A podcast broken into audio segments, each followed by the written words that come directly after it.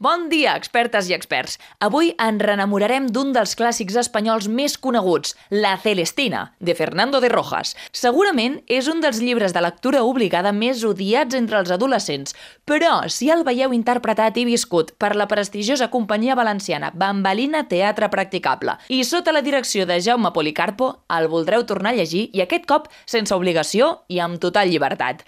Ells han escollit explicar aquesta història d'amor, prostitució, puteria i avarícia Galícia amb només dos actors que interpreten a 10 personatges amb la seva veu, la seva feina física i, sobretot, amb els caps de titelles gegants.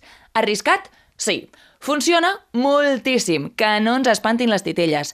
En 5 minuts ja estareu immersos en les enganyifes d'aquesta vella i sàvia dona. I si encara no us he convençut, escolteu a la Gueda Llorca, una de les actrius que fins aquest diumenge està amb l'espectacle La Celestina a la Sala Versus Glòries. ¡Eh! ¿Qué dirás a eso, Parmenó? ¡Ay, Angelito! ¡Loquito! ¡Berlica! ¡Y simplecico! ¡Ven acá, ven putico! ¡No! ¡Que tú! ¡Ay, tú no sabes nada del mundo ni de sus placeres! Comencem l'entrevista amb l'Àgueda Llorca. El Pau Gregori ha hagut de marxar pitant, és el segon actor que també està fent aquí la Celestina a la sala Versus Glòries, però l'Àgueda s'ha quedat aquí amb els 12 titelles a la sala Versus Glòries un apunt, són 10 titelles, no 12. Hm, M'he flipat amb tanta emoció. Quina feinada, quina preciositat d'espectacle, Àgueda. Moltíssimes gràcies, hola, bon matí. Deus estar cansadíssima, no? Sí, la veritat és que és un treball esgotador, molt gratificant, el gaudim moltíssim i cada vegada més. Ara que ja l'hem rodat tant, ens ho passem pipa fent-la.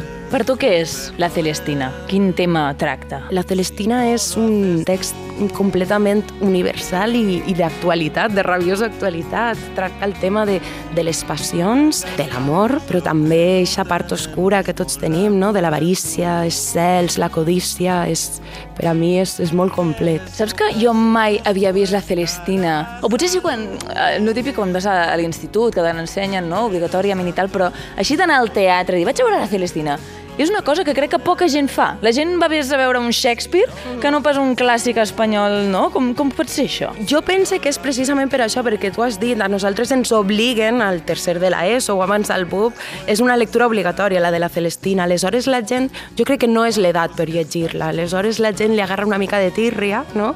del tostón que me obligaron a leer, i, i li costa un poc vindre al teatre, però quan, quan la veu es sorprèn, perquè el text és meravellós, és un text divertidíssim, molt actual, molt mordàs, és, està ple d'ironia. Planíssim d'ironia, realment, i de drama, també, perquè hi ha uns monòlegs al final que ens deixeu amb el cor trencat, eh? És fantàstica, és una tragicomèdia i està, està molt, ben, molt ben escrita. De fet, l'obra dura 4 hores i mitja, més o menys, si agafes el text, però vosaltres l'heu sapigut reduir molt bé a una hora i poc. Sí, l'adaptació ha sigut del Jaume Policarpo, que és també el director de la companyia Bambalina Teatre Practicable, i d'este espectacle concretament. I ell ha fet l'adaptació també, i, i jo crec que ha fet una tasca molt bona, perquè sí que és de veres que hem intentat quedar-nos amb l'essència de l'obra. Hem sigut molt fidels, ell ha sigut molt fidel al que és el text original, però sí que hem hagut de retallar moltíssim, sobretot algunes subtrames de, dels criats, les prostitutes, que són més llargues a l'original, però que aquí hem hagut de,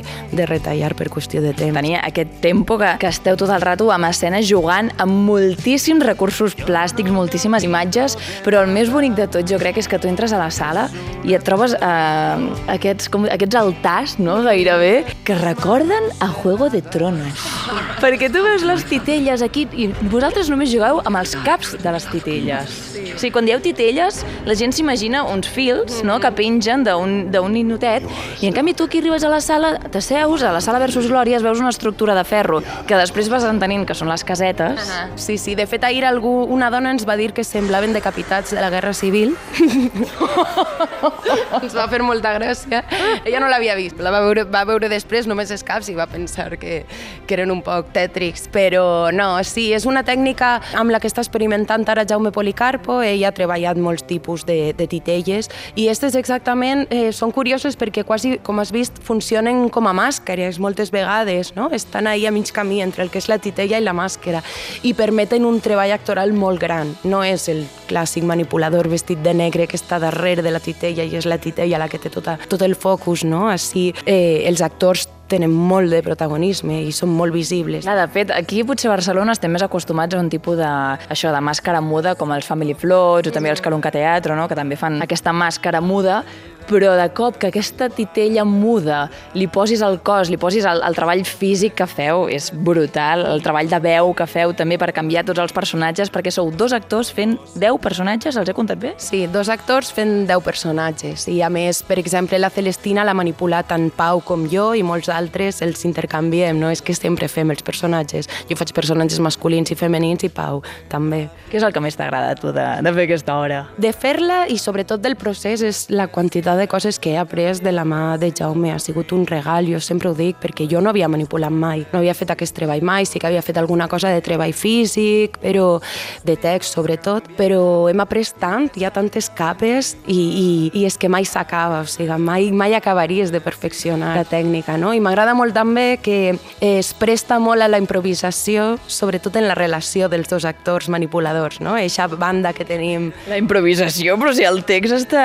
Com que vol dir això de la improvisació entre els actors? Sí, vull dir, els gags que apareixen sí. dels actors que estan darrere de les màscares. Ah, vale, vale. Sí, perquè a més hi ha com un metateatre, no?, amb tot això. Exacte. Es crea una cosa molt curiosa, que és que tu mires la màscara i de cop es, es desperta com aquest nen que tots tenim dins, no?, aquesta nena de, ai, que bonic, que divertit, no?, una màscara que parla. Però després veiem l'actor i de vegades és més interessant veure com vosaltres mireu la màscara a l'hora que parleu que no pas tant la màscara. I és, és com una contradicció molt forta, un codi, no?, que un cop hi entres estàs tot el rato dient, ostres, el text, que me'l perdo, ai, no, no, mira la cara, mira, no, mira la màscara, mira, mira què fan ara, que ara es pugen, ara baixen, ara... És espectacular. Sí, sí crec que és una, un dels secrets de que funciona tant, no? que sempre tens un lloc on mirar, sempre hi ha mil coses que penses que estàs perdent no? I això és el bonic. Jo crec que a vosaltres realment us escau molt la paraula artesans no? El, això que feu, que feu art, però és d'un punt tan sa i tan, tan elaborat que, que dona gust veure-ho. Jo espero que, que pugueu tornar aquí a Barcelona molts més dies, perquè ara heu estat dues setmanes, acabeu ara aquest diumenge, i val la pena venir i poder redescobrir la Celestina amb aquest amor que doneu a l'escenari de la Sala Versus Glòria. Moltíssimes gràcies. Tingueu molts èxits i molta gira. Estem molt a gust així a Catalunya. gràcies.